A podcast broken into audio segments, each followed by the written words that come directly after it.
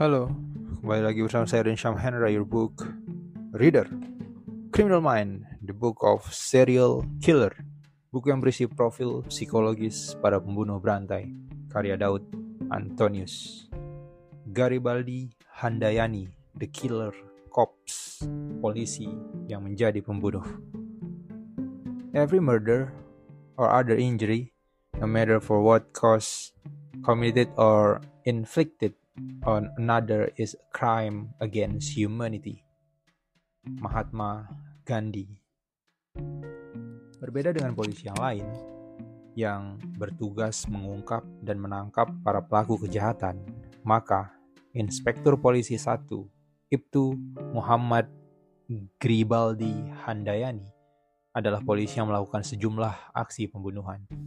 Korbannya bahkan tidak sedikit, ia terbukti dan mengakui menghabisi tujuh orang dalam kurun waktu enam tahun. Namun, dalam keterangan kepolisian, diduga ada sekitar 11 orang tewas akibat perbuatannya. Beberapa korbannya dibunuh dengan cara ditembak. Ada pula yang tewas ditusuk dan korban terakhirnya ditemukan tewas terbakar di semak belukar perkebunan karet.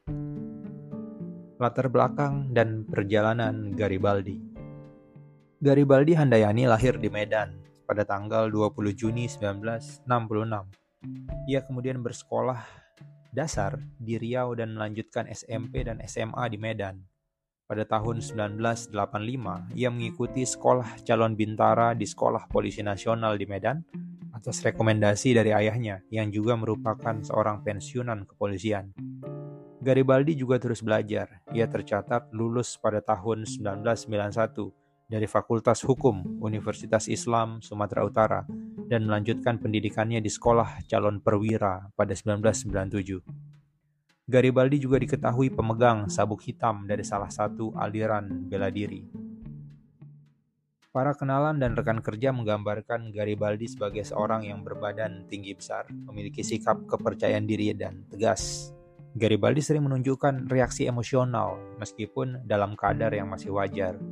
Ketika diwawancara, ia bersikap tenang dan tidak menunjukkan sikap ingin dikasihani.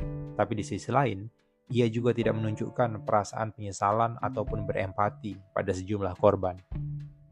Dalam sebuah wawancara, Garibaldi sempat menyinggung seorang tokoh politik di Jambi yang berjasa untuk karir dan kehidupannya. Dalam keterangannya, ia memiliki hutang budi pada tokoh tersebut dan tidak bisa menolak jika diminta untuk melakukan sesuatu.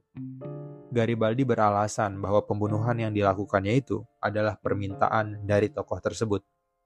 Walaupun hingga saat ini polisi belum bisa mengungkap siapa tokoh yang dimaksud dan menganggap bahwa itu adalah tokoh fiktif yang sengaja dibuatnya. Terungkapnya kasus dan para korban. Kejahatan yang dilakukan Garibaldi mulai terungkap ketika pihak kepolisian menemukan mayat laki-laki tanpa busana pada tanggal 2 Agustus 2004. Mayat tersebut ditemukan di Desa Babat, Kabupaten Musi, Banyu Asin, Sumatera Selatan. Kondisinya cukup mengenaskan. Sudah mulai membusuk, tubuhnya juga terbakar. Posisi persisnya adalah tergeletak di antara semak di kawasan perkebunan. Tidak berselang lama setelah penemuan mayat pertama pada tanggal 28 Desember 2004, masih di kabupaten yang sama, ditemukan mayat lain Kali ini adalah seorang wanita, kondisinya juga terbakar. Peristiwa penemuan ini masuk ke dalam berita koran lokal sekitar Jambi. Tempat mayat tersebut diotopsi. Beberapa waktu setelah pemberitaan, sebuah keluarga mengaku kehilangan anak mereka yang bernama Listi Kartika Baiduri, 21 tahun. Setelah menjalani sejumlah pemeriksaan, ditemukan bahwa mayat terakhir memiliki sepatu dan cincin yang sama seperti milik Listi. Pihak keluarga kemudian menaruh curiga kepada seseorang yang sedang dekat dengan Listi, yaitu seorang perwira polisi bernama Garibaldi Handayani. Polisi kemudian melakukan penyelidikan dan sejumlah penggeledahan. Di rumah Garibaldi akhirnya ditemukan barang bukti seperti amunisi senjata, handphone milik korban, BPKB mobil diduga milik korbannya juga, serta berbagai alat yang digunakan untuk memalsukan surat kepolisian.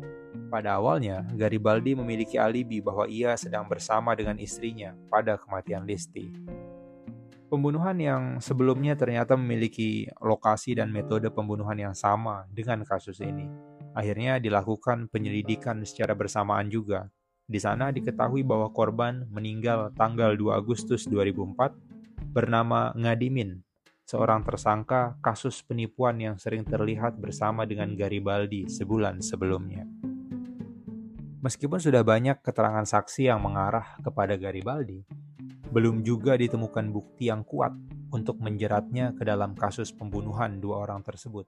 Akhirnya, Garibaldi ditahan oleh kepolisian Jambi dengan tuduhan kepemilikan amunisi tanpa izin. Ini dilakukan agar Garibaldi tidak menghilangkan barang bukti selama proses penyelidikannya. Dari hasil penyelidikan lebih lanjut, pihak kepolisian ternyata ditemukan fakta yang mengejutkan, yaitu sejumlah orang yang pernah berhubungan dengan Garibaldi mengalami kejadian yang sama, yaitu menghilang tiba-tiba tanpa jejak. Beberapa dari orang tersebut juga ditemukan meninggal dengan tidak wajar. Penyidik akhirnya menemukan sebuah pola bahwa Garibaldi mengeksekusi para korbannya ketika sedang berada di luar daerah tugasnya, yaitu sekitar perbatasan antara Riau dengan Sumatera Selatan. Garibaldi juga tidak bisa berkutik setelah pada akhirnya, berdasarkan keterangan istrinya, polisi menemukan pistol yang digunakan sebagai alat pembunuhan. Selain dua orang korban sebelumnya yang sudah dibahas sebelumnya, berikut ini adalah sejumlah korban yang diketahui dibunuh oleh Garibaldi. Yang pertama Muhammad Ali atau yang biasa dikenal sebagai Mamat, 35 tahun, adalah seorang supir mobil sewaan yang dilaporkan hilang bersama dengan mobil yang dibawanya sebuah Isuzu, Isuzu Panther berwarna silver. Polisi menemukan mayatnya di Riau pada 15 April 2004 dalam keadaan terbakar. Barang bukti berupa mobil tidak juga ditemukan. Gus Marni, 31 tahun, dilaporkan hilang sejak Juli 2003 dan ditemukan tewas dua tahun kemudian dengan enam peluru di tubuhnya. Ia diketahui juga berhubungan dengan Garibaldi yang menguras asuransi kematian suaminya. Garibaldi juga belakangan diketahui menabrak suami Gusmarni hingga tewas dalam sebuah kecelakaan. Nurmata Lili atau yang biasa dikenal dengan nama Marta, 29 tahun, adalah istri kedua dari Garibaldi. Ia juga dilaporkan hilang pada 2004 ketika berencana mengikuti kursus kecantikan di Jakarta meninggal akibat luka tusuk di perut dan terdapat sejumlah peluru di tubuhnya. Yeni Farida, 29 tahun, dilaporkan hilang sejak April 2004. Ia berhubungan dengan Garibaldi karena dijanjikan akses untuk adiknya masuk dalam kepolisian. Rusdin Sidauruk, 41 tahun, seorang pengemudi mobil rental yang hilang dalam perjalanan pulang menuju Medan. Ia kemudian ditemukan tewas dengan sejumlah luka tembakan di kepalanya. Mobil yang dikendarainya juga hilang dan kemudian ditemukan di rumah Garibaldi. Kasus Rusdin diketahui dari kartu namanya yang ditemukan di rumah Garibaldi. Dengan semua bukti yang ada, Garibaldi akhirnya mengakui pembunuhan tujuh orang, meskipun polisi mengaitkannya dengan sebelas kasus dengan metode pembunuhan dan waktu pembunuhan yang serupa. Ia menjalani sidang sejak Mei 2005 dan pada Januari 2006 Pengadilan Tinggi Bagan Batu menjatuhi hukuman 20 tahun untuk pembunuhan terhadap Rusdin Sidauruk oleh Pengadilan Tinggi Rengat ia dijatuhi hukuman mati. Sampai saat ini, ia masih mengajukan upaya banding terhadap hukumannya tersebut dan belum menjalani eksekusi. So, Garibaldi still alive and somewhere di tahanan di negara ini ya. Tapi memang hukuman mati selalu butuh waktu yang panjang menuju eksekusi dari putusan ke eksekusi itu biasanya butuh 10, 20 bahkan lebih tahun ya, 10 bahkan 20 tahun lebih sampai akhirnya dieksekusi.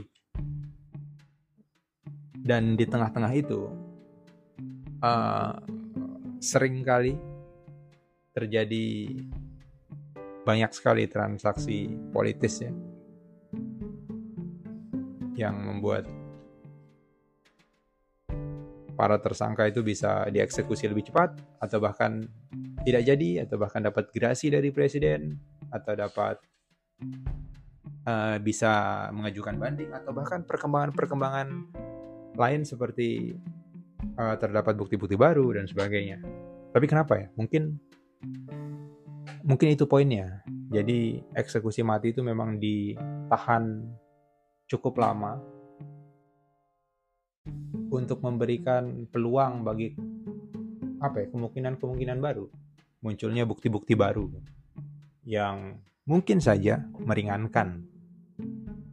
Karena kalau eksekusi matinya diputuskan lalu langsung dieksekusi dalam waktu yang singkat sehingga tidak ada waktu untuk hal-hal seperti itu untuk bukti-bukti baru muncul bisa saja orangnya sudah dieksekusi kemudian bukti barunya muncul yang meringankan kasusnya gitu kan.